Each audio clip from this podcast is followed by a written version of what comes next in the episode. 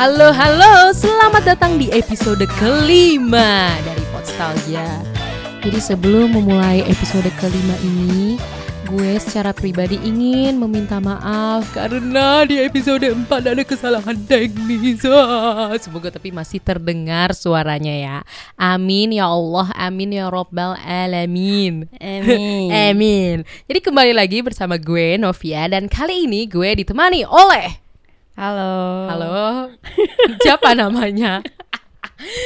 Halo, gue Tuna atau kadang ya Dewi. Iya, Ya, gue dipanggil oke. Dewi juga. Panggilan masa kini ya Tuna, cuma zaman dulu diriku memanggil dia Dewi. Jadi kalau kadang Tuna Dewi, kadang Tuna Dewi, yang penting itu ber- menuju ke satu orang yaitu lawan bicara gue pada saat ini Tuna.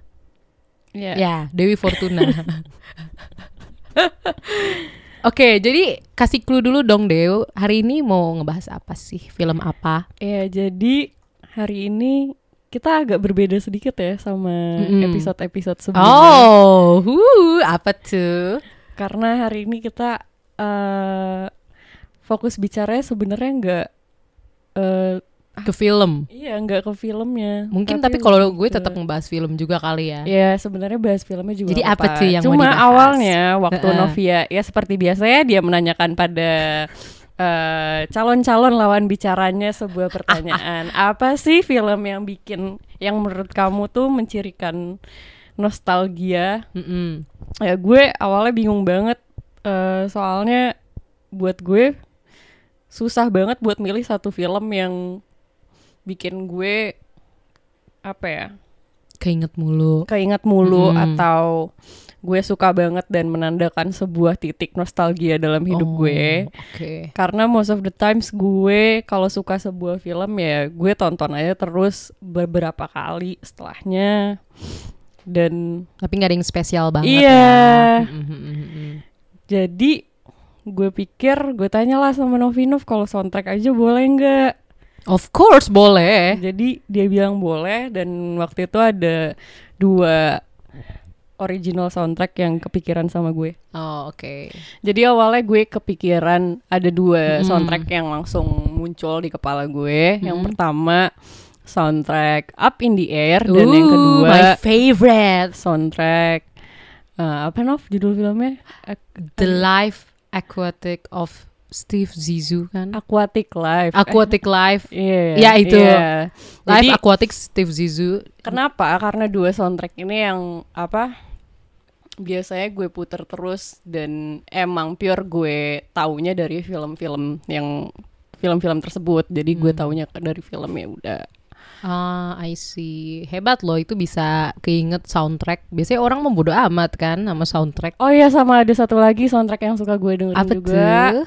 Dari The Boat That Rock atau Oh. sering juga disebut sebagai pirate radio. Ya, Pirate Radio yang Ini tiga-tiganya oke loh. Jadi kalau teman-teman mau mencoba untuk menambah banget. Mm-mm. playlist Hmm. lagu yang ingin didengar, mungkin bisa nyoba dengerin tiga. Terutama yang seneng folk ya. Iya. Yang folk Tapi music The enggak. Boat That Rock enggak Oh iya sih enggak. Agak folk rock enggak sih? Iya. Ya folk rock dan teman-temannya. Tapi emang Aquatic Life folk ya. Terus gue jadi banyak mempertanyakan. Eh, Gak apa-apa, bagus dong. Jadi kita nggak langsung nerima informasi, kita mempertanyakan lagi. Wih. Eh, aquatic sedikit sih. Iya sih lumayan. Eh, cuma kalau Up in the Air oke folk dan Pirate Radio itu folk rock. Mm-mm. Mm-mm, agak rock rock soalnya kan. Jadi gimana Nov? Mau dimulai dengan sinopsisnya seperti biasa? Oke, jadi kita langsung aja dengerin trailernya sedikit dari film yang akan didengarkan. Eh didengarkan OST-nya yang akan dari film yang OST-nya dan kalau gue sih nanti tetap bahas filmnya juga yang akan kita bahas. Mm-mm. Check it out. Last year I flew 350,000 miles. All the things you probably hate about traveling are warm reminders that I am home. Welcome back, Mr. Bingham. I am the passenger. I work for a company that lends me out to cowards that don't have the courage to sack their own employees, and for good reason. Who are you, man? Because people do crazy stuff when they get fired. I'm gonna need your key card. We received a dynamite young woman from Cornell, Natalie Keener. I want you to show her the ropes. I'm not a tour guide. Show her the magic. Take her through the paces. What? Follow me. You never get behind old people. Their bodies are littered with hidden metal. Bingo. Asians. They pack light, travel efficiently, and they got a thing for slip-on shoes. God love them. That's racist. I'm like my mother. I stereotype. Oke, jadi itu filmnya. Udah mungkin beberapa dari teman-teman udah ngeh ini film apa ya kan Deo? Iya. Hmm, jadi film apa? Film Up in the Air. My favorite. Ada George Clooney, ada Yes. Vera Farmiga, ada Anna Kendrick, ada Jason Bateman. Wih. Yes, yes, yes. Terus sutradaranya sama seperti Juno, Jason Reitman. Jadi Apa gimana? gimana cara pronounce-nya? Jason Reitman emang apa? Reitman. Oh kan ceritanya Kayak keren Reitman gitu. Iya, nggak tahu sih ini cuma sok doang, Reitman. sok agak Deutsch, Deutsch, sok sok agak Jerman. Oke. Jason Reitman. Ya Wih. bebas. Jadi kalau dari Dewi ingetnya apa nih sinopsis atau cerita-cerita, maksudnya alur cerita dari Up in the Air yang Dewi inget? yang gue inget, yang gue inget ya si George Clooney ini. Gue lupa dia. Ryan Bingham. Wih, apal. Iya si Ryan. Udah nyebutnya George Clooney aja. ya George Clooney, ya. oke. Si George Clooney. George. George. George ini punya sebuah pekerjaan di mana dia pekerjaannya cukup unik ya. Oh unik sekali. Apa itu?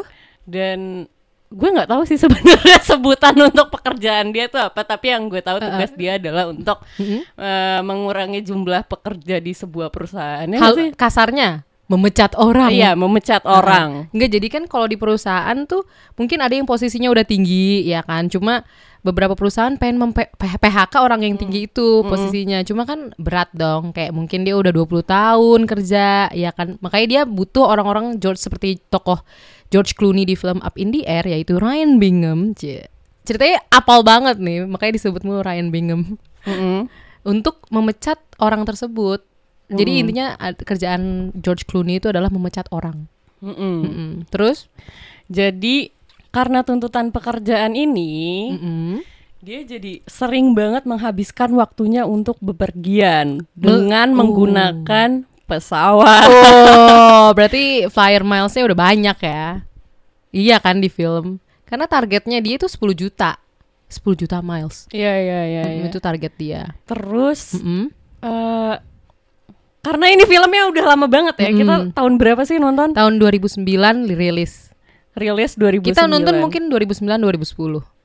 Antara itu. gue lupa gue sempat nonton ulang apa kayaknya sempet tapi Gua karena itu udah mulu. 2000 dari 2009 dan sekarang tahun berapa 2018 berarti Lumayan. udah 9 tahun ya Nah. jadi gue harus mengakui bahwa gue udah lupa Oke. sama Ya udah kalau Dewi agak climax lupa. story-nya tapi yang gue eh, plot twistnya gue masih inget Masih sih ingat ya. Oh, itu Oh. dahsyat, dahsyat. Tapi kita nggak boleh cerita di Iya, sini. kita itu itu twistnya.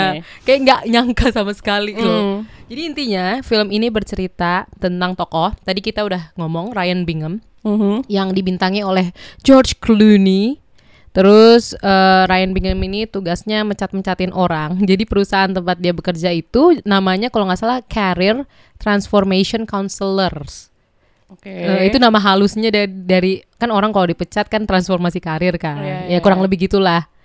Intinya iya, buat iya. mecat. Nah, si Clooney ini ya udah kan bepergian terus, ya kan. Dia itu bilang dia tuh bepergian tuh 300 hari dari 365 hari yang ada dalam setahun. Jadi mayoritas hidupnya dia tuh di pesawat, yes di pesawat di airport. Di pokoknya ya sekumpulan airport dan pesawat deh. oh ya gue juga inget Mm. Selain airport Mm-mm. hotel juga Iya, kan. hotel. Terus ada bagian dia di Hilton gitu. Mm, apa gimana? Hilton bener itu kayak sponsornya deh Iya Hilton. kayak sponsor. Tapi gue lupa bagian Bagian yang mana? Oh ceritanya. Di- iya waktu di Hilton tuh dia kenapa? Oh iya iya gak apa-apa Karena banyak kok Hilton Kayaknya soalnya sponsor Hertz Terus American Airlines Iya. Airline Airline sorry Jadi sponsornya dia juga Di film Up in the Air Yes. Nah terus Dia kan udah tuh kerja dengan nyaman Itu status quo-nya dia. Kayak dia bahkan Adanya mau nikah tuh. Dia kayak Dia dikasih tahu kan sama sekretarisnya Iya. Ada telepon dari kakak lo Katanya ngasih tahu ade lo nikah. Terus George Clooney-nya Oh gitu. Tapi pas dikasih tahu lo dapat kesempatan ngomong nih di konferensi salah satu konferensi di Ve- eh, Las Vegas namanya Gold Quest. Dia kayak oh iya tanggal berapa? Oh, iya, iya, jadi iya, iya, kayak iya. dilihat kalau dia tuh cukup eh, apa ya kurang aware sama sekitar dia bahkan keluarga sendiri. Nah dia kan punya status quo seperti itu. Muncullah tokoh namanya Natalie Kinner yang dibintangi oleh Anna Kendrick. Jadi Anna Kendrick nih sebelum di apa tuh yang musik-musik per- pitch perfect, dia tuh menurut aku tenar dulu di sini.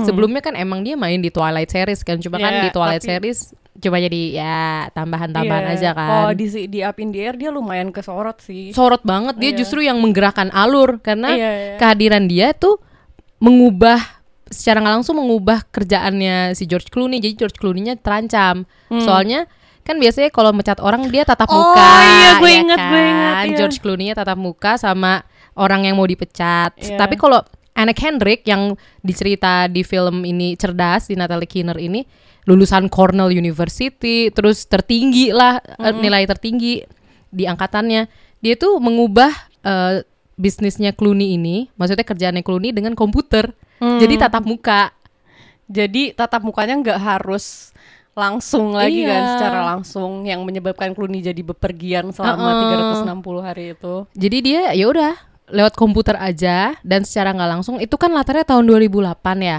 ketika krisis ekonomi Amerika lagi kena. Makanya kan salah satunya jadi ada banyak PHK tuh. Ya kan karena perusahaan udah nggak bisa ngegaji karyawan ya kan. Nah ya udah jadi dipropose oleh Anna Kendrick ini teknologi biar pegawainya itu nggak usah bepergian lagi kayak Clooney. Jadi di kantor aja dan itu kan nge-save biaya pengeluaran company dong. Mm. Nah, Clooney takut dong itu status quo dia mau dihancurin. Iya. Tapi di sisi lain dia punya alasan selain status quo. Karena itu kan hal personal dong mecat orang. Iya Yes. nggak sih? Yes. Oke, kalau interview kerjaan mu- mungkin masih bisa lah Iya. lewat Skype. Cuma kalau mecat tuh menurut aku pribadi sih emang agak berat. Iya, apalagi kalau orangnya udah punya pengalaman kerja di situ Iya. bertahun-tahun. Di cerita tuh 20 tahun, Iya. 17 tahun, ya kan. Ya udah terus abis itu bosnya dari George Clooney sama Anna Kendrick ini Jason Bateman. Mm-mm, yang main di Juno juga. Jadi dia banyak main di film Jason Reitman. Bilang, "Oh, ini teknologi oke banget karena menghemat cost atau OPEX operational expenses." Cie, OPEX dari OPEX dari perusahaan nih lumayan besar sampai kalau nggak salah 85% ya kan? Soalnya Clooney kalau terbang juga selalu yang bisnis kelas ya kan masa Clooney naiknya ekonomi kan ke level masa level sama aku ya gitu ya udah tapi kan Clooney mau ngebuktiin eh lu nggak bisa seenaknya ngubah kerjaan gue lu harus ikut gue deh ya udah akhirnya mereka berdua ikut Oh, iya finally dia Jalan-jalan. ngikut. Iya si Clooney. eh, Natalie Kinner atau si Anna Kendrick ini ikut Clooney gitu. Dan ada satu titik di mana pada akhirnya si anak Kendrick ini ngerti nggak sih kayak apa yang menurut Clooney Clooney susah. lakukan. heeh. Iya, itu itu kerasa sih akhirnya maksudnya karena kan Kendrick akhirnya tatap langsung dan dia eh, sekalinya ketemu ada yang gue mau lo gue lu nggak usah nggak usah Oh, iya, iya, takut iya, iya. sama gue nggak usah lu nggak usah takut kok karena gue punya rencana yang firm. Jadi ada salah satu karyawan cewek ngomong kayak gitu. Terus kayak eh, Anna Kendrick sama George Clooney kayak agak tenang gitu. Dan pas eh, cewek pegawainya yang mau dipecat itu ngelanjutin ngomong ngelanjutin ngomongnya gini doang iya gue udah yakin kok gue bakal lompat dari jembatan Ya. ya yang kayak gitu loh terus Jembatan shock. yang sudah sangat terkenal itu bukan sih? iya jembatan yang indah deket rumah gitu ternyata dia mau lompat maksudnya Oh iya iya. Oh, itu anak Kendrick agak shock ya kan Iya iya, akhirnya dia shock. Dan oh ya dan di situ kan tadi udah dibilang ada Vera Farmiga nah Vera Farmiga itu sama bisnismen yang suka traveling juga Hmm. jadi ketemu di bar pas Clooney lagi minum-minum Tunggu, Yaudah. businessman. Iya sama-sama eh, karyawan deh, sorry Ya udah, karyawan ha. yang suka traveling juga. Maksudnya yang kerjaannya butuh traveling dan ternyata jadi love interestnya George Clooney. Dan kehadiran Business woman. ya business woman. Anjir itu suara gue kencang banget kayak Gak apa-apa. Pokoknya dengan kehadiran kan pertama anak Kendrick tuh mengubah kehidupan pekerjaan profesional Clooney ya kan. Heeh. Kehadiran Vera Farmiga di situ atau Alex itu mengubah ritme person kehidupan personal Clooney. Hmm. Jadi Clooney tuh udah lebih empati lah semenjak ada kehadiran Vera Farmiga. Eh, eh, jadi kehadiran perempuan di film itu cukup Iya sih. mengubah Dan itu mengingatkan gue pada salah satu scene Nya yang George. ngena banget Mhm. Di mana si anak Hendriknya nanya Mm-mm. ke Vera Heeh. kayak tipe cowok eh tipe pria bukan gue marah sama kemampuan gue untuk merangkai kalimat Santai saja.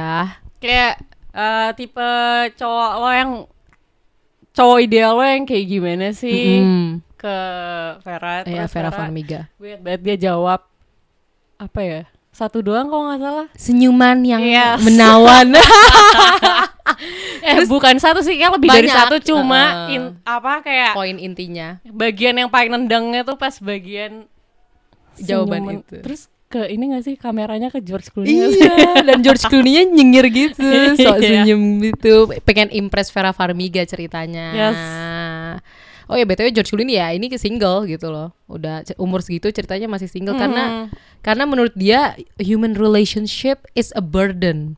Emang dia ngomong gitu ya Iya makanya dia kan ada dia itu punya eh, kayak TED Talk gitu, dia kayak pembicara oh yang motivator. backpack itu bukan sih Iya, dia bilang dia punya acara acara motivator What's in my backpack Iya. acara conference conference gitu jadi dia bilang di backpack tuh itu human relationship tuh big it's is shit gitu kurang lebih Oke, Menyusahkan. sebagai salah satu beban ya Oh, yang oh, harus dikurangi dari oh, backpack oh. itu. tapi seiring ber- seiring berjalannya film tuh dia disadarkan sebenarnya human relationship tuh tidak se-shitty yang dia pikirkan Yes. dengan kehadiran Vera Farmiga dan Anna Kendrick intinya gitu sih ya intinya gitu. intinya gitu walaupun sebenarnya banyak banget tuh yang dibahas dari film uh, Up in the Air tapi kita Yes. mau bahas OST-nya dulu kalau Nah. dari Dewi ingetnya ap- apa Jadi kenapa dari sekian banyak soundtrack Mm-mm. Eh, soundtrack yang akhirnya gue pilih untuk nostalgia ini dengan Mhm. tema nostalgianya adalah Up in the Air. Karena eh, lagu ini tuh sering banget gue dengerin waktu gue SMP ah mau lulus? Atau SMA ya pokoknya sampai gue SMA juga gue masih dengerin Ah, deh. wow. Dan eh, kadang di umur gue ya umur gue harus disebutin. Boleh awal 20-an mungkin awal 30-an silakan. Iya di umur gue di umur gue yang sekarang ini eh gue cukup apa ya kaget untuk keinget lagi sama lagu-lagu itu. Kayak kalau gue putar tuh gue inget oh iya ya dulu gue suka dengerin itu juga waktu SMP di saat.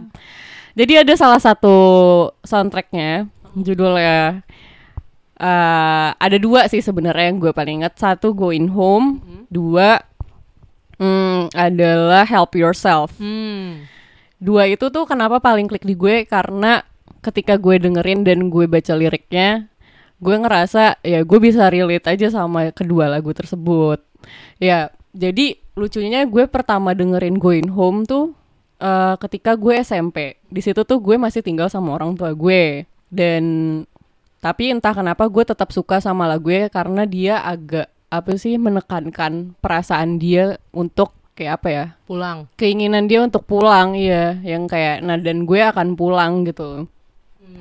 Dan lucunya gue bisa relate itu walau relate ke lagu itu walaupun gue masih tinggal di rumah orang tua gue. Dan eh, I see. Ya, ketika akhirnya gue udah nggak sempat nggak tinggal dengan orang tua gue lagi. Cukup lama lagi ya? Ya cukup lama. Malah lagu itu tuh luput dari kehidupan gue Oh, sehari-hari. Jadi iya, iya, kesannya iya. tuh waktu gue SMP tuh gue nggak bayangin eh, gimana sih kalau rasanya kalau gue nggak ada di sini dan tinggal jauh dari orang tua gue, mungkin gue akan sangat eh, mengerti perasaan yang dinyanyikan oleh si ya latarnya dari Iya. jadi latar up in the air Mm-mm. itu the sun to hear my face through old open light. Forget about the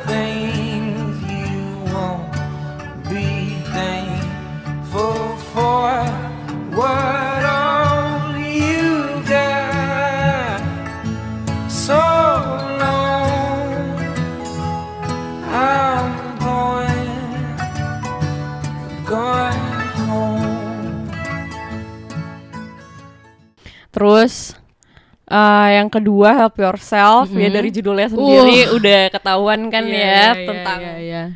help yourself. Jadi ada Mm-mm. liriknya yang kalau nggak salah bunyinya tuh, Mm-mm. mm, I know you'll help us when you're feeling better. Mm-mm. Artinya?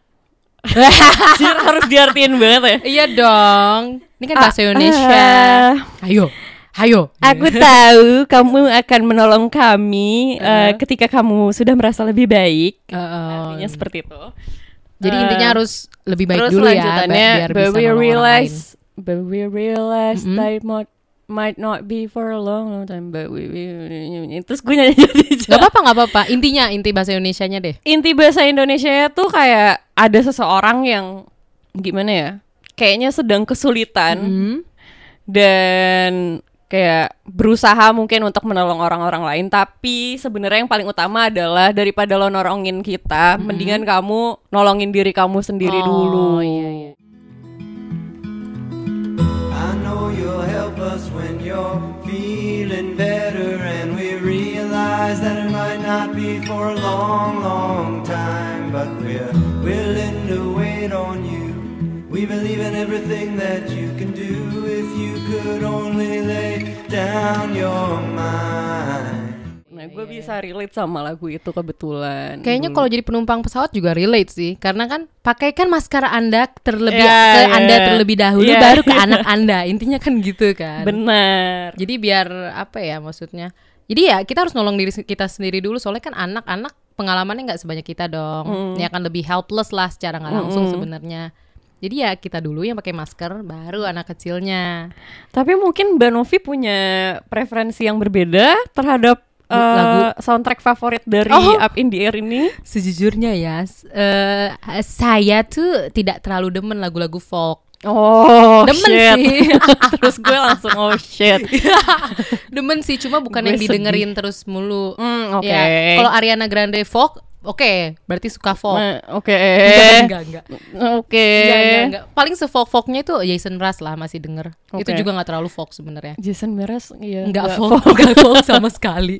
Oke lah, pokoknya kurang sebenarnya biasa aja gitu loh. Folk oke denger, cuma buat didengerin sampai diresapi kayak yang tadi Dewi lakuin tuh Hmm. belum belum sampai tahap itu. Mm-mm. Tapi tetap ada lagu favorit kok di film Up in the Air. This Land is Your Land. Iya. Itu beda sendiri karena mau tahun sendiri. Nah, Iya. dan, dan itu di opening. Jadi ngeh di banget. opening. Opening dan mana kan backgroundnya itu cuma awan-awan. awan dan tampak atas Iya. dari topografi nggak ada nggak dari eh, dari pesawat, dari, dari, atas pesawat, ya yang biasanya bisa kita lihat dari atas pesawat. Hmm, kita lihat kota, ada gurun pasir. Ya mungkin orang-orang yang suka berpergian kayak karena ke- baik karena pekerjaan atau karena dia tinggal jauh dari orang-orang lain dan perlu naik pesawat untuk pulang, mungkin bisa relate sama perasaan-perasaan yang dibawa sama film Up in the Air kali ya. Bisa jadi sih bener. This land is your land. This land is my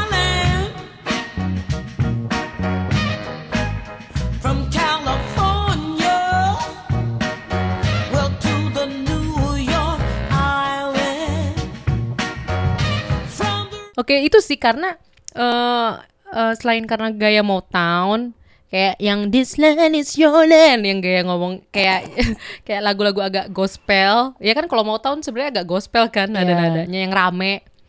Itu tapi ngingetin juga kalau misalkan eh ya this land ini ini pokoknya daerah lo itu punya lo.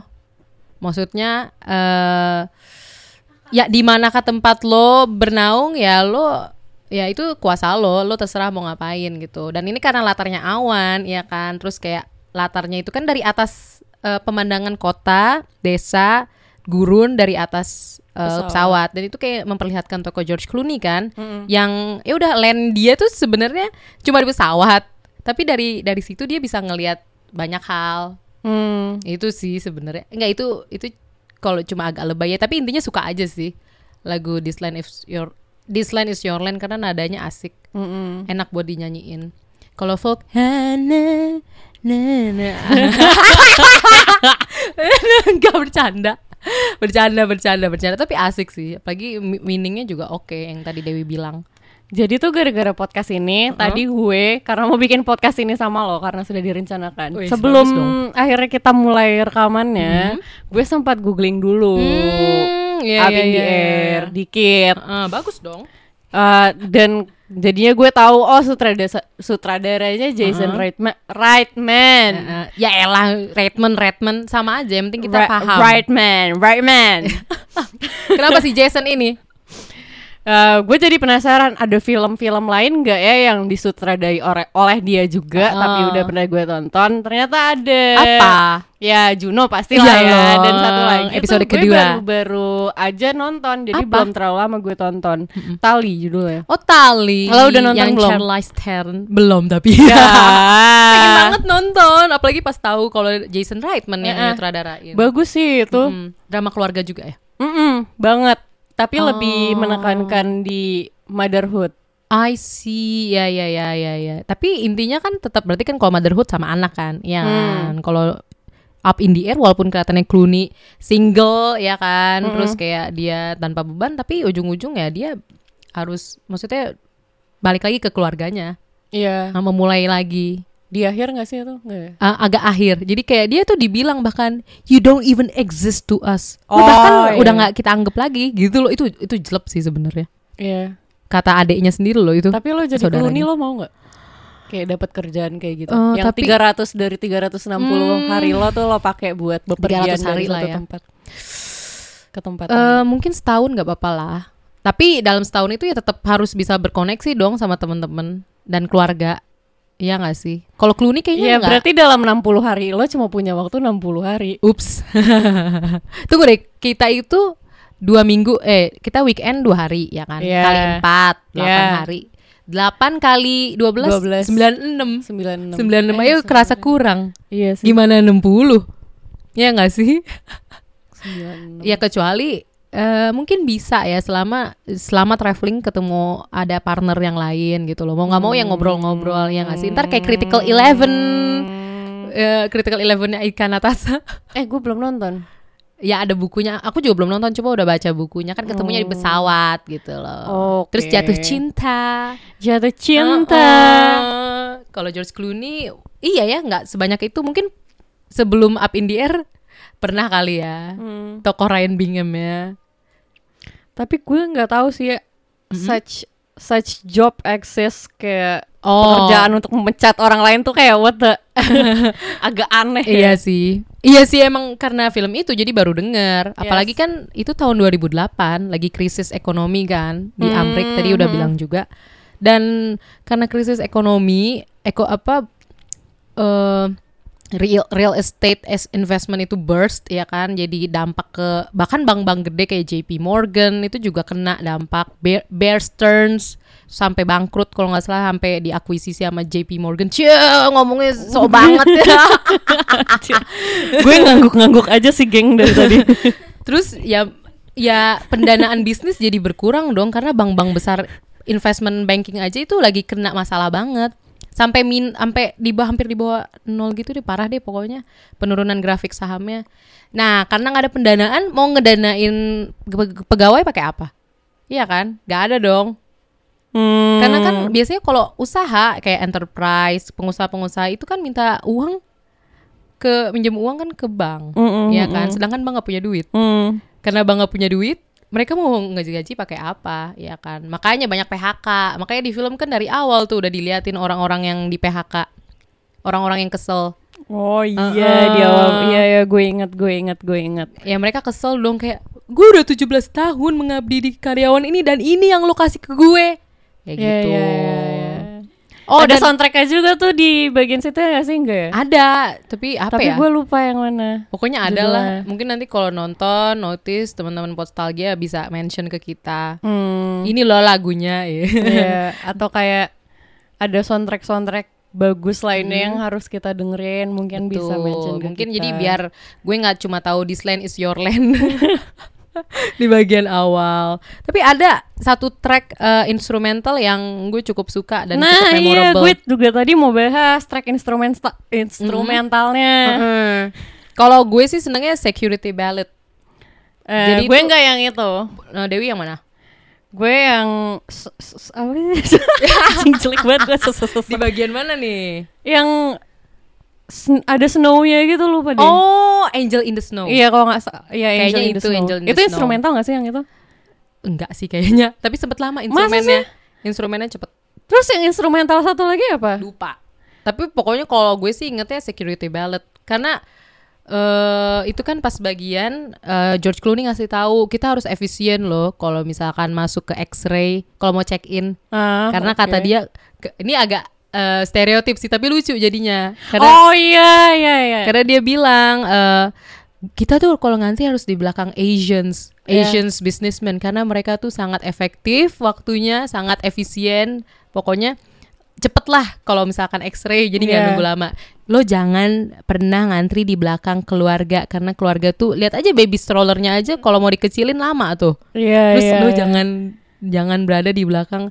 Ini sorry ya ini ini kan kata film orang-orang Arab karena mereka ditanyain mulu sama imigrasi gitu katanya.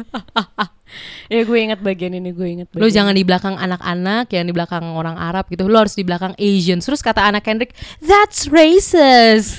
Kata Terus kayak ya gimana gitu lo mau ngabisin waktu tujuh hari buat check in setahun gitu katanya. Iya, ya nggak iya. salah sih, cuma lucu aja bagian itu dan musiknya juga intens. Hmm, Uh, security ballet itu, makanya namanya security ballet, ballet kan. Iya. Jadi kayak ballet tapi ritmenya Ya mungkin bisa kita kasih cuplikan sedikit Oke. security.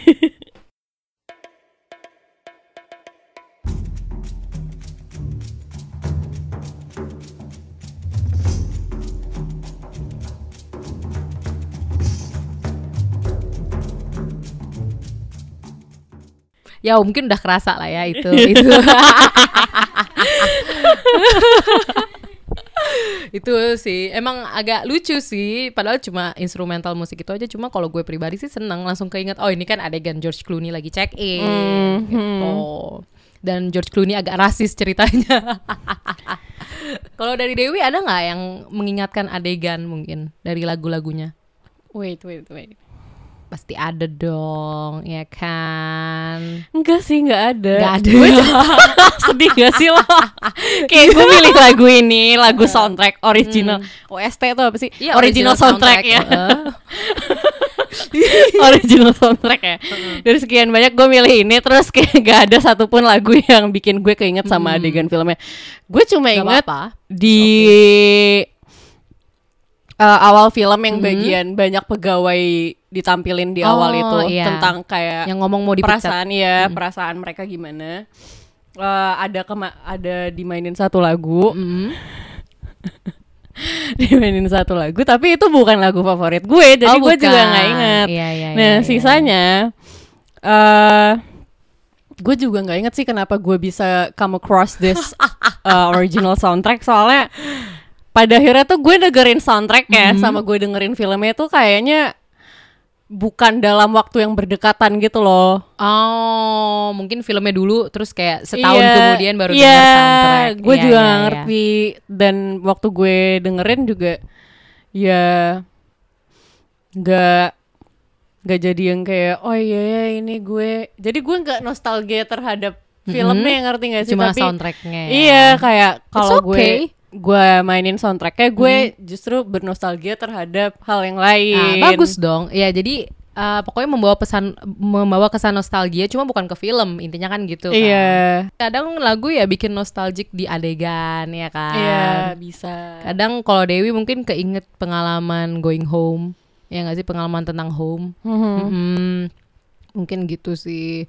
Tapi kalau gue pribadi ya Up in the Air ya seneng filmnya dan This Land Is Your Land. Tapi tetap eh, lagu-lagu yang Dewi sebutin tuh tetap asik banget sih diikutin di film. Maksudnya jadi latar. Hmm. Karena kerasa jadi kerasa Amerika banget. Apalagi dia tinggal di Omaha, Nebraska kan. iya Terus Oh iya di film ini tuh pasti disebut kan daerah daerah yang mereka dikunjungin tuh pasti dimunculin Betul. dalam sebuah teks gitu loh. Iya, jadi ketahuan dia lagi di Omaha, dia lagi Yang di gue inget Detroit. Detroit ya. Wah itu yang di Detroit tuh cukup intens sih adegannya. Iya iya. Itu pemecatan yang paling intens. Iya. Ngomong-ngomong pemecatan jadi inget. Jadi di situ tuh ada istilahnya dua cameo yang cukup oke sih oleh aktor yang oke sama J.K. Simmons Oke. Ingat kan J.K. Simmons yang jadi bosnya Spider-Man, Spider-Man Oh 1, iya, ha. Daily Bugle. Tapi kan kalau di film-film lain dia botak kan. Iya, Kalau dia di botak. Spider-Man dia ada rambut sama Iya, kumis. kumis. Sama di Juno juga main jadi bapaknya Juno. Oh iya, bapaknya gitu. Juno Heeh. ya. Nah, dia ah, di- gue denger juga di podcast lo. dan Sorry, di sorry. oh iya bahkan Dewi jadi saksi mata Iya. langsung dan di film itu dia dipecat kan Iya. terus oh iya, pas adegan J.K. Simmons juga oke banget sih Ah, gue nggak ingat ada dia dipecat Ada. masa. Oke. Jadi, dia itu Oke, kan- eh, thank you Novi udah ngajak gue buat bikin podcast ini karena abis ini kayak gue mau nonton Up in the Air lagi. ya bagus dong semoga teman-teman juga jadi nonton Up in the Air ya jadi ada satu adegan tuh J.K. Simmons mau dipecat terus dia kesel dong ya kan sama anak Kendrick mana anaknya uh, si JC J.K. Simmons ini ngomong gini terus intinya ya terus gue mau ngasih apa ke anak gue Oh, yang dia marah-marah banget Oh, gitu oh, sih? Bener, dia marah-marah dong. Terus gue mau kasih apa ke anak gue dan anak Kendrick dengan pedenya bilang gini biasalah mungkin terlalu pinter kali ya belum terbiasa sama dunia nyata ya kalau riset sih membuktikan kalau anak yang punya pengalaman yang tidak mengenakan atau trauma biasanya akan achieve secara akademik dengan lebih baik gitu Iya, tapi maksudnya itu kan orang lagi apa namanya lagi kurang baik Iya. ya, karena kan habis dipecat. Dia si soalnya J.K. Simmons tuh gajinya tinggi, hampir 100 ribu dolar. Oh my god. Terus dia bilang kalau misalkan gue apa eh dipecat, terus gue cuma dapat 250 per minggu, alias cuma 1000 per alias cuma 12 ribu per tahun gitu loh. Kan jauh dong 90 ribu sama 12 ribu. Nah si Andra Kendrick ngomong kayak gitu, bete. Terus ngomong gini dong, go knit yourself ke anak Kendrick. Anak Kendricknya shock. Oh. Heeh, tapi habis itu si George Clooney langsung ambil alih dong. Iya, iya, iya, secara partnernya lagi terdesak ya Iya. kan. Walaupun George Clooney agak agak kadang ada agak asshole di situ kan. Hmm. Terus George Clooney, bilang, "Lo tahu nggak kenapa atlet diidolain sama eh, diidolakan?" Ya karena dia kalau kata J.K. Simmons, ya karena dia bisa happy-happy sama cewek-cewek cantik gitu. Ya itu kan kalau kata George Clooney, ya itu kan kalau kenapa kita suka atlet kan. Iya. Terus George Clooney ngelanjutin. Tapi lo tahu nggak kenapa anak-anak suka atlet? Kata J.K. Simmons, enggak. Ya karena atlet mengikuti passion dia. Atlet mengikuti apa yang dia mau. Terus J.K. Simmons bilang, tapi kan gue bukan atlet. Iya, kata George Clooney, ya lu bukan atlet, tapi lu minor kuliah di French Culinary Arts. Jadi dia kerja kantoran. Tapi dia punya passion di masakan Prancis, Iya, alias iya, iya. masakan yang haute couture yang Gimana tinggi masakan apa? Nggak, Masakan nggak, itu nggak bisa dilakukan di term gastronomi sih. Cuma ya masakan yang Prancis yang elit, yang fine dining Hmm. gitu. Terus diem dong J.K. Simmons-nya. Kata George Clooney, lo dibayar berapa sama perusahaan pas lo mengorbankan mimpi lo? Hmm. Gitu. Terus J.K. Simmons bilang dengan diam, ya 27 ribu dolar. Terus kata George Clooney, ya ini mungkin saatnya memulai hidup baru. Terus kayak nonton kayak, wah. Ya, profesional banget ya George Clooney. Iya, Oh George Clooney di situ. Walaupun ternyata dalam sepanjang film tuh dia ternyata akhirnya luluh juga hati Yes. kerasnya dengan kehadiran Vera Farmiga.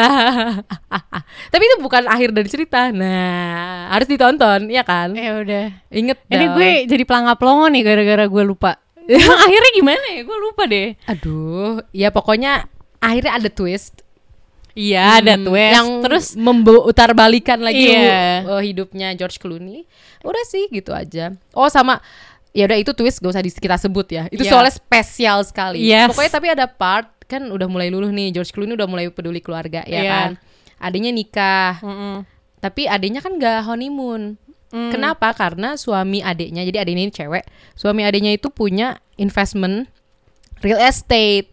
Sedangkan tahun 2008 itu yang bermasalah banget real estate karena kredit macet. Iya. Jadi dia bilang ya karena investasinya lagi buruk ya udah deh kita nggak honeymoon dulu.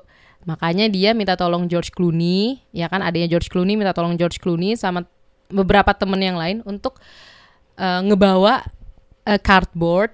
Isinya eh, cardboardnya itu eh, ada foto mereka Oh ya kan? dengan latar belakang eh, landmarks yang ada di Amerika. Jadi biar kalau kata adanya George Clooney ya walaupun kita nggak liburan kita tetap punya foto. Mm, dan iya, itu iya, bener-bener iya. seluruh Amrik loh ada Iya, iya, fotonya iya, dan di adegan itu juga George Clooney langsung luluh gitu loh. Jadi emang bahkan temen-temennya adik gue itu emang rela bantuin adik gue gitu loh untuk hal ini. Dan pada di akhirnya kan George Clooney tuh dapat 10 juta miles kan. Mm-mm. Nah terus dia nelpon airlines, dia nanya kalau bu, gue bisa bikin account baru nggak buat dua orang? Terus bisa kan? Nah kalau poin yang dibutuhin buat keliling dunia berapa? Oh seorang 500 ribu cukup dong kan dia punya poinnya 10 juta. Iya, Ya iya, udah iya, akhirnya iya. satu jutanya dikasih buat adiknya Oh honeymoon. my god. Hmm, jadi intinya ya transformasi transformasi karakter tuh ya nggak Iya iya. nggak iya. terbatas oleh umur sih. Soalnya umur George Clooney kan tentunya udah 40-an kan di Iya. film. Gue Pernah ada jadi kayak ingin memberikan sebuah pesan kepada Gimana, anak-anak gimana? Hmm. rantau ya, yang kayak gue sebagai salah satu anak rantau walaupun Eh, nggak jauh. gimana gimana? Ya ada satu titik pada akhirnya ketika lo udah mulai jarang pulang, Hmm, lo makin ngerasa maybe in a way disconnected sama Keluarga. keluarga. Bisa jadi. Bahkan yang di rumah pun suka disconnected kok. Iya, happens, apalagi ketika happens. hidup lo tuh udah berjauhan sama keluarga lo tuh itu kerasa banget sih kayak ya udah. Eh, di satu sisi pasti nggak pasti juga sih lo akan ngerasa kayak ya udahlah tau mereka nggak ngerti apa yang gue laluin ketika gue Betul. merantau gitu tapi di sisi lain tuh ternyata oh enggak mereka tuh tetap ya masih tetap peduli walaupun kita Iya. pergi jauh sama kayak si keluarganya George, Clooney, Ya, walaupun ya bete juga sama George gitu Iya. loh. Karena Benar. mungkin emang George nggak pernah ngasih kabar mungkin. nah Mungkin ya ya. mungkin pulsa mahal ya Uh-uh, tapi atau- kan kita nggak pernah tahu juga sebelumnya gimana gitu loh. Mm-mm. Karena itu kan potongan cuma sih kalau dari kisah ya kelihatan aja kalau George nggak nggak terlalu mikirin keluarganya Iya. dia. Tapi selain keluarga ya dia juga nggak mikirin yang lain sih. Dia bener merit ke kerjaannya dia. Iya, iya, dia merit ke kerjaannya sih. Maksudnya kan mungkin ya kalau beberapa orang mungkin ya oke disconnected sama keluarga tapi punya temen gitu Hmm. loh. Jadi dia punya support system yang lain ya kan. Karena kan ya nggak semua orang gifted dengan keluarga yang suportif dong. Iya kan. Maksudnya pasti beda-beda lah situasi orang. Cuma kalau George Clooney ini siapa gitu loh. Hampir nggak ada. Dia tuh udah tapi ya di sisi lain bagus karena dia udah energized sendiri dengan kerjaan dia, dengan usaha dia, ya kan. Cuma Dan di mungkin lain passion dia adalah untuk mengejar si miles, miles, iya, ya. iya, iya, sampai 10 juta kan. Cuma itu yang bikin dia excited kan soalnya. bener, walaupun pas dirahi biasa aja. Karena dia udah nemuin meaning yang lain. Heeh. Dan tapi ya George Clooney juga di situ kalau menurut gue ngebuktiin si tokoh George Clooney si Ryan Bingham kalau misalkan oke manusia sehebat apa pun sendiri sesendiri apa pun ya tetap manusia makhluk so- so- sosial. Ya, waduh. Waduh. Kita anak sosial. anak IPA juga Dewi pas SMA. Enggak, gue Eh. sorry ya gue kuliah sosial Oh, ya. gitu. Sosialita tapi di Sosialita. institusi teknik ya. Ini kayak banyak noise aneh yang kita bikin di podcast Gitu kali. sih. Jadi ya apa ya dan di film juga sebenarnya tokoh Vera Farmiga tuh juga menyimpan sesuatu yang kita tidak Iya. bisa kasih tahu. Ya ingin pas tahu kayak kenapa hidup kayak gini. Tapi parah sih pas nonton bener deh. Itu tokoh Vera Farmiga. Astagfirullahalazim ya Allah. Pas nonton ulang bener-bener kayak. Terus anak Kendrick juga itu sih kayak jadi oposisi biner. Cuy oposisi biner Hah? Tunggu tunggu gue kayak ibaratnya eh, perbandingan lain eh, sorry bukan. Lawannya George Clooney kayak 180 derajat berbeda. Kayak Masa ada sih? kayak ada perbedaan antar generasi Oh iya itu ada, tapi nggak jadi sampai posisi biner juga nggak sih? ya biasa aja ya tapi Terus karena gue sebagai nggak apa-apa bener-bener maksudnya itu kan your your opinion Cie. dan emang mungkin iya Tapi nggak tahu sih kan gue belum nonton ulang filmnya. Gue udah lama banget nggak nonton filmnya. Jadi mungkin setelah gue nonton gue akan menganggap itu oh ya I see where Um, the binary iya opposition. mungkin ya jadi soalnya di film itu kan eh, George Clooney kayak oke orang yang eh, punya status quo sendiri ya kan yang cukup konvensional dengan taktiknya dia. Sedangkan anak Kendrick datang dengan ide baru ya kan masih fresh from the oven fresh from the campus. Terus tapi si Anna Kendrick eh, walaupun dia memperlihatkan sisi baik teknologi, dia tuh juga akhirnya terkena dampak dari sisi buruknya teknologi. Dia diputusin pacarnya lewat SMS. Oh iya, Mm-mm. bener. Terus George Clooney pas ta- pas eh, Iya, nyeletuk benar, lagi. Eh, setelah beberapa saat ke- pas udah Anna Kendrick udah mulai tenang, kan ketemu sama Vera Farmiga dan George Clooney. Mm-mm. Terus eh, Vera Farmiga bilang, "Ayo cerita-cerita." Iya, gue diputusin sama pacar gue lewat SMS. Terus George Clooney kurang lebih nyeletuk. Ya sama kayak lo mecat lewat komputer sih. Iya.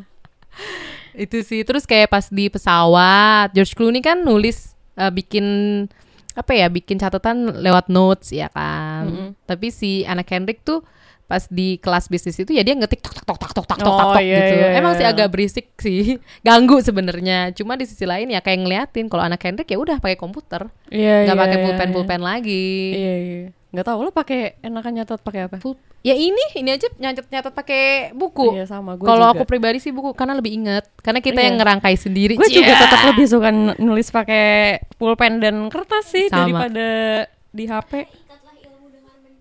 Oh iya, kata Silmi tadi kalau mung- nggak kedengeran ikatlah ilmu dengan mencatat. Hmm, Mencatat. Tapi kalau pegel keywordsnya aja, Iya. iya kan. Abis kalau nyatet di HP suka lupa juga. Nggak tahu sih. Anak sekolahan sekarang tuh nyatet masih pakai pulpen gak sih? Apa udah pakai laptop? Adekku sih, oh iya, udah bener boleh ya? lewat foto, bener Kayak bener kita bener. kan ngefoto tuh pas kuliah kan. Iya justru, eh nggak tahu deh kalau Aku sekarang. sih mulainya pas kuliah kayak foto catatan dosen tuh Oh, kayak ya aku udah. nggak pernah, hampir nggak pernah sih. Oh iya, Soalnya hampir kalau foto lupa. Kalau Ya, udah moto. sih emang. Soalnya kalau nulis kan inget, oke Kalau tadi udah pegel. Tapi iya bisa dibuka waktu ujian. Nggak salah, nggak salah. Bener sih itu. Cuma ya kalau mau paham sebaiknya mencatat. Cie. Walaupun suka lama pahamnya ya. Enggak kok tapi it helps. It helps sih nyatet. Ya, tapi makanya kalau di film sih aku sih lebih setuju sama Ryan Bingham dengan mencatat. Ya, Cuma di sisi too, lain kalau emang mau planning pakai scheduling gitu ya yang dilakukan anak Kendrick di laptop ya bener juga. Biar lebih efisien. Kan ada satu adegan akhirnya George Clooney pakai laptop. Kayak ya dia mau nggak mau ngikutin teknologi juga. Heeh. terus itu Jason Bateman ya pada seperti bos pada umumnya. Yang penting eh, untuk company dan dirinya sendiri. Ya kan jadi dia pas bilang eh oh pas George Clooney protes tuh ke Jason Bateman sebagai bos dia bilang eh ini ngancem kita. Kehadirannya anak Kendrick. Terus kata si Jason Bateman ya ngancem lu doang kali. Hmm. kan dia bos soalnya. Iya. Terus kata dia kata Jason Bateman juga kalau nggak salah apa George Clooney yang ngomong Oh Jason Bateman yang ngomong Ah you're too young to be a dinosaur. Lu tuh terlalu muda kalau buat jadi dinosaurus Maksudnya karena kan ngomongin generasi kan kayak i- ya secara nggak langsung itu kan udah hal baru dong teknologi. Mm-mm. kayak ngasih tahu George Clooney kayak ya itu lu lu belum layak lah lu juga kalau dibilang generasi tua juga nggak layak gitu loh jadi kayaknya implisit mau ngasih tahu ya lu mau nggak mau ikutin Iya, iya. ikutin iya. apa yang ada dan apa yang ada ini ya teknologi baru yang dikasih sama anak Kendrick. Iya, jadi Eh namanya kemajuan teknologi namanya hidup ya pasti ada perkembangan dan pengorbanan. Mm. Itu sih. Kalau dari Dewi ada yang mau dibahas lagi nggak dari original soundtrack? Eh, apa ya? Ya, iya. apa itu maksudnya? Ya menurut gue keberadaan soundtrack tuh sebenarnya ya penting banget apalagi kayak kalau soundtrack yang nggak bener pemilihannya ya nggak bakal nyatu dan nggak bakal mendukung pensuasanaan si filmnya itu sendiri gitu. Oh iya. Kayak kadang gue ada beberapa film yang menurut gue walaupun dia soundtracknya eh, mostly instrumental atau bahkan instrumental semua, tapi ketika itu pas dan menyatu dengan filmnya tuh buat gue Mhm. kayak muncul gitu loh awareness wah ini scoringnya bagus wah kayak filmnya well made gitu. Soalnya gue inget dulu gue Mm-mm. pernah gue lagi duduk di kafe terus gue nggak sengaja nguping pembicaraan orang di meja sebelah ya Hmm. biasalah cewek-cewek muda gitu Wus. terus umur gue berapa sih Tahu berasa kayak udah mas banyak mas makan asam garam ya. Enggak, enggak. Kayak abis gue sebel sama apa yang mereka eh, obrolin kayak Apa "Eh, tuh udah nonton obrolannya?" belum sih film Suicide Squad terus Uh-uh. kayak udah udah oh my god soundtracknya bagus banget ya iya Uh-uh. kayak feel eh, lagu-lagu lama gitu dipakai lagi terus oke banget yang kayak ya gue jadi punya ekspektasi lebih dong ya, nih ya. Iya. terus jadi emosi Gak apa-apa, Gue jadi- Berarti dan kan tau nggak waktu akhirnya gue nonton Suicide Squad Uh-uh. dengan eh, ya seorang kawan ya Uh-uh. Eh, kawan. gue udah punya ekspektasi tadi dong yang kayak ya udah yang ada tuh gue ngantuk nonton filmnya mana ih ih Bahkan Jadi, eh, buat gue- soundtrack nggak membantu. iya jadi kayak Malah nggak membantu sama sekali. malah ya karena gue udah punya ekspektasi lebih gitu loh yang kayak oh iya soundtracknya bagus nih terus kayak gue tungguin mana nggak ada gitu loh malah bagusan kalau soundtrack Mm-mm. action yang bagus tuh dan harus pakai lagu lama menurut gue Free Fire lebih oke sih Free Fire. iya lo udah nonton belum Free Fire Belum. oh ya udah nggak apa-apa Apa banget Guardians of the Galaxy? Hmm, Biasa aja. itu itu oke juga menurut gue sorry I'm gue not in love. Iya. itu itu oke banget, banget. iya. Itu oke banget. Oh iya kenapa kita nggak ngebahas Guardians of the Galaxy? But apa-apa. ini kan bukan review soundtrack ya saudara-saudara, Iya. tapi lebih ke nostalgia. Heeh, kayak preferensi pribadi. ya Yes. kan? Mungkin teman-teman yang di sini kayak, ah Dewi apa Su- Suicide Squad oke banget. Elu kali yang Iya. apa emang nggak suka gitu Iya, mungkin bebas, ya. Bebas, apa-apa. bebas. Kayak kalau superhero agak jarang sih soundtrack. Iya, emang. Tapi Suicide Squad emang banyak lagunya. Iya. Eh nggak tahu apa jangan-jangan kamu suka Nov? Boleh biasa aja sama Enggak aku sekarang. enggak, Ayo enggak. jujur aja. Sumpah biasa aja. Gak suka DC yang pasca Nolan enggak. Oh, oke. Sorry ya, tapi kayak Man of Steel, aduh bosen banget nontonnya. Hmm. Ya nggak sih yang Spider. Oke, Superman-nya ganteng. Henry Henry Cavill. Aku nggak nonton. Cuma berantemnya itu lama banget durasinya menurut aku ya. Oh. Jadi udah gitu kan Superman super ya. Jadi nggak ada nggak ada believable-nya gitu loh. Jadi kayak sesama orang super berantem ya, Mm. Ya mau udah monoton aja gitu Oh, oh. jadinya. ya. Kalau Batman kan masih oke ya. Iya, Cuma iya, iya, iya. jujur belum nonton Batman versus Superman. Katanya iya sih emang katanya kata kritikus dan teman-teman nggak terlalu oke. Cuma kan balik lagi dong ke sendiri. Cuma kalau aku sendiri bukan karena kritikus atau orang-orangnya sih. Cuma udah males nonton Man of Steel aja bosen. Jadi males mau nonton DC-DC yang lain. Paling Wonder Woman sih. Masih oke lah ditonton kan suka ada di TV. DC CGI-nya, jadi kata Silmi tadi DC tuh CGI-nya lebih jelek. Mungkin menurut aku sebenarnya oke-oke aja sih CGI-nya DC, cuma ceritanya itu udah bikin males. Jadi CGI mau kayak gimana pun ya nggak jadi fokus lagi karena udah males ngikutin ceritanya. Kalau Marvel kan fun, Hmm. ya kan. Jadi walaupun CGI-nya biasa aja, karena udah fun ya bodo amat. Mungkin, mungkin mungkin kayak gitu. Yaudah jadi eh, mumpung masih ada Silmi kita tanya Silmi nih. Kita tanya Silmi kalau menurut Silmi Hi, it's me again. Hai Silmi. Jadi Silmi ini yang kemarin ngebahas petualangan Sherina. Dan Jadi kita juga di rumah tunas. iya. Pengennya bertiga tapi mic cuma dua. Terlalu jujur. Jadi kalau menurut Silmi soundtrack film yang menurut Silmi mau dibahas deh sekarang. Yang sering aku denger ya. Heeh. Kalau standar banget sebel nggak? La La Land. Oh enggak biasa. No no no gini gini. Apa kenapa standar banget jadi pertanyaan? Oh iya. Emang standar itu apa? Iya.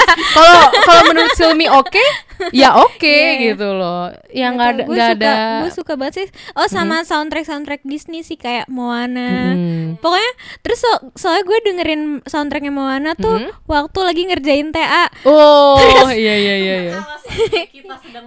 Iya sih kayak hal-hal di kejadian di sekitar kita saat kita lagi nonton atau dengerin lagu itu juga ngaruh gitu ya ke ke apa ya ke perasaan kita saat Betul. dengerin lagi Setuju. gitu. Jadi si Moana kan soalnya tentang bertualang Ah, kayak how far I'll go ber- keluar dari comfort zone dia di pulau itu Iya, kayak gitu, bener-bener. Jadi kayak ya ini cocok lagi aja sih. Lagunya Tapi megah kayak- lagi jadi kayak kan? bisa disambungin ke kehidupan gue yang ayo sih lo harus Semangat ya. mengeksplor dunia ini gitu ya. Salah satunya lo harus nyelesain TA gitu. Dan Moana kan see the line terus musiknya yang megah kan. Nggak mau oh, nyanyi mulu. It can versi be. mau di Ayunda dong. Apa sih pokoknya seberapa Oh, ada jauh ya? ku melangkah atau Oh, Wah, ada versi bahasa ada. Indonesia. Ya ampun baru tahu kudet Terus deh aku. kalau La La Land juga kan gimana dia m- menggapai mimpinya dengan berusaha casting sana sini Oh, kayak jadi gitu, benar-benar gitu relate sih. ke personal apa Iya, ya jadi pengalaman kayak personal. bikin semangat aja gitu Bagus lagunya. dong. Iya iya iya. Ya udah kita langsung aja verdictnya dari film Up in the Air ini kalau Dewi mau ngomong sesuatu mungkin. Cie. Apaan ya? Kayak udah gue keluarin semua. Udah deh. keluarin semua deh. kesimpulan. Cie. Atau kesimpulan tambah-tambah juga nggak apa-apa. Nggak saklek-saklek banget hidup ini mah. Kesimpulan episode ini atau kayak kesimpulan up in the air? Up in the air atau episode ini deh nggak apa-apa. Ya, jadi- Kebebasan Anda, Cie. nggak tahu masa gue jadi bingung sih dikasih penutupan gini cim Ya udah gue misalkan curhat kecil misalkan kalau menurut aku Up in the Air tuh layak ditonton sekali. oh. Heeh, karena terus gue kayak baru mudeng nggak apa-apa. maksudnya nggak apa-apa nggak apa-apa. karena kalau aku aku seneng banget nonton Up in the Air kayak setahun bisa dua kali deh. Eh, jadi aku sering nyampe nontonnya. sebanyak itu sih. Soalnya aku ngeliat kayak tokoh Ryan Bingham tuh oke dia dia semangat punya semangat lah dalam hidup. Dia punya tujuan kan walaupun tujuannya tuh lucu. Hmm. ngedapetin 10 juta miles ya kan? Hmm. tapi ya di sisi lain eh, dia tetap butuh human relationships. Hmm. dan itu jadi reminder juga buat aku walaupun aku sukanya happy happy single gini cie. Masa? enggak enggak. Apaan sih masa masa enggak tapi kayak kayak ibaratnya terlalu bebas gitu loh. Cuma ya pada suatu saat ya mau nggak mau harus mikirin juga nanti settle-nya mau seperti Iya. apa. Apakah settle bersama suami gitu kan? Ya kalau gue atau Ya, settle sama keponakan nanti. Eh kan anaknya adik-adik mungkin ya. Kan gak ada yang tahu ya. Ya, proses gue sama film ini sebenarnya emang lebih subjektif sih soalnya Hmm. kayak Tama tadi juga subjektif. Iya iya. Siapa sih yang gak subjektif aja?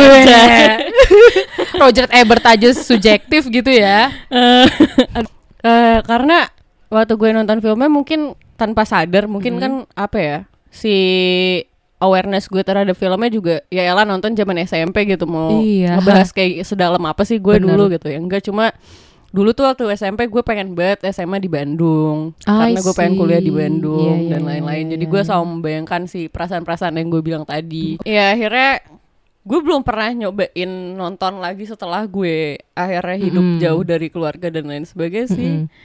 Cuma ya mungkin ya. kalau gue tonton lagi sekarang setelah gue merasakan gimana rasanya hidup agak jauh dari keluarga mungkin gimana gue mencerap anjay mencerap filmnya ya mencerap ya, apaan? eh, perceiving perceive pe- perceive Persif menganggap mencerna. Kayak mencerap ya ada ya bahasa Indonesia Ada, ya? ada, oh ada. sorry aduh malu Eke. Beda mencerap ya perceiving oke terus? Iya. Cara gue mencerap film itu ya pasti jadi beda juga sekarang. Hmm. makanya gue sekarang penasaran sih gimana rasanya gue nonton lagi.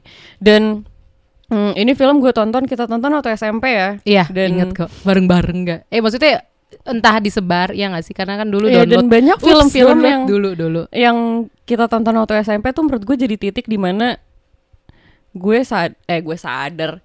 Gue rasa Hmm. ya awareness gue terhadap film-film tuh muncul waktu gue SMP karena gue kenal sama lu no ya Kayak, jadi ada beberapa film yang gue tonton lagi waktu gue kuliah. Ah, ya nggak sengaja ketonton lagi karena gue nonton bareng teman-teman gue dan mereka yang pilih film. Ada salah satunya kayak Catch Me If You Can. Oh my favorite. Tuh kan Nah. ya kayak Catch Me If You Can terus ya Up in the Air nggak sempat gue tonton lagi sih cuma karena ngebahas podcast ini Mhm. ya gue jadi kayak oh ya itu kan waktu SMP dan kayak tadi lo sempat nyebut Shawshank Redemption Mhm. kayak itu semua tuh film-film ba- bagus semuanya beneran bagus ya. Bagus Dan- tuh gimana? Bagus tuh banyak Aduh, loh. apa sih standarnya gak sih? Nggak nggak mungkin Shawshank Redemption menurut Dewi bagus karena dramanya itu eh, apa alurnya itu konflik-konfliknya dapet nggak sih? Iya, perubahan banget, karakternya perubahan karakter yang karakter-karakter utamanya ya Mm, terus kayak hubungan antara yang ditangkep sama Morgan Iya, Freeman iya aduh itu gue juga pengen banget nonton Dufresne, lagi iya sih Ah, pengen banget Iya nonton pengen lagi. banget nonton lagi soalnya gue udah lama banget juga nggak nonton itu ya lucu aja sih akhirnya gue di podcast kali ini jadi inget-inget lagi film-film apa yang dulu gue tonton sama Bagus waktu SMP dong. karena gue dan Novi ini adalah teman satu SMP ya SMA juga satu tapi ya jarang ketemu ya karena Iya. beda. Jadi gue kayak jadi bisa bernostalgia sedikit tentang film-film yang juga. itu. Biar inget Yang kan melatih memori. Iya. Ya ampun ini jadi ke mana-mana banget. Iya, it's Closing okay. aja apa? Closing nggak apa-apa. Thank you semua teman-teman Postalgia yang udah mau dengerin kita berbincang soal Up in the Air dan lain-lain. Lain, sumpah Dan gue minta lain-lain. maaf soalnya kayak eh eh keseringan gue cuma ngomong kayak oh iya, oh iya karena itulah fungsi postal gitu Iya, kan ya, untuk mengingatkan okay, kita pada hal-hal tersebut Kalau- karena gue udah lama banget Dan nonton. narasumber kan tentu beda-beda dong ciri khasnya. Kalau Nadila kemarin di episode ketiga tuh kalau kalau aku dan Nadila tuh kayak berantem ngomong terus tapi kan ini enggak. Iya ini kan enggak Demi gitu. apa gue pengen denger? Terus sama Silmi walaupun audionya masih sedih walaupun audionya kurang mumpuni tapi asik ya ngasil ngebahas eh, petualangan Sherina dan bersama Dewi ngebahas Up in the Air dan lain-lain Oh my god. Wow, terima kasih Dewi sekali lagi. Terima kasih juga Novi sudah mengundangku. Iya, sama-sama terima kasih karena Gue senang deh dengan lantunan-lantunan ini. Terima kasih. halo, halo. Sorry guys. Terima kasih juga karena Dewi telah mau meminjamkan rumahnya sebagai studio, studioan, cie. Iya. Meminjamkan, Bo. Dibalikin jangan lupa ya. Iya, ntar rumahnya dibalikin cering. Oke, eh, un- bagi teman-teman yang mau kasih kritik, saran, komentar, seperti misalkan Anov panjang banget sih nggak jelas ngomong apa, jelasin dong lebih kompak silahkan gitu. Nov kepanjangan ah 20 menit do aja dong silahkan gitu. Kita pasti tampung tapi belum tentu kita turuti. Anjing ngeselin banget. Oh my god. Enggak, enggak, enggak. What's the point? Enggak, tapi input penting. Kan Input belum- penting tapi nggak diturutin. Gini, gini. Oh iya kan Nov- bukan diktator ya. bener. Iya, manusia kalau selalu menuruti apa yang dia mau, gawat. Oh, iya, ini jadi ceramah. Iya, jadi ceramah. Eh, langsung aja kirim email ke postalgia@gmail.com. Emailnya ada di eh, bio Spotify ataupun medium apa pun yang kalian dengerin. Terus bisa langsung mention juga di Twitter @postalgia dan komen atau DM di Instagram. Ada tuh beberapa yang udah DM loh untuk ngasih rekomendasi. Dan wow seneng udah dapet. Ada lah walaupun cuma satu dua penonton generik yang bukan teman-teman sendiri itu udah cukup senang. Yeay! Dan Dewi mungkin nanti kalau ada yang mention Dewi Gimana? di Twitter nggak usah ya Oh Twitter. apa Instagram mungkin Eh, mau Instagram aja Oke, kali Instagram ya. Kalau apa? Twitter gue mm, agak kurang agak kurang agak personal agak personal Ah. iya, bukan diperuntukkan bukan ranah publik, Iya. iya, iya, iya. jadi apa nih Jadi Instagram gue bisa di reach di Uh-uh. at eh nggak nggak usah pakai at ya. ya udah nggak apa-apa Consuming denials C O N S U M I G Consuming, N I uh-uh. A L S. denials ya udah nanti kan ditulis di bio juga ya Iya. sama ya kalau mau mention gue silakan ada di bio juga males gue sebut-sebut oke sekali lagi terima kasih Dewi dan Silmi yang udah join-join juga senang berbincang-bincang dengan anda anda Iya. Hmm. kok em doang? Eh gue harus ngomong sesuatu. Oh ya gagal canda Cuma em doang. dan sekali lagi. Terima kasih kepada teman-teman Postalgi yang sudah setia mendengarkan hingga titik ini. Dan semoga tidak bosan juga dengan episode-episode selanjutnya. Dan kalau yang belum dengar episode sebelumnya silahkan dengar episode sebelumnya. Sekali lagi terima kasih dan sampai jumpa di Podstalgia episode selanjutnya. Bye. Bye bye.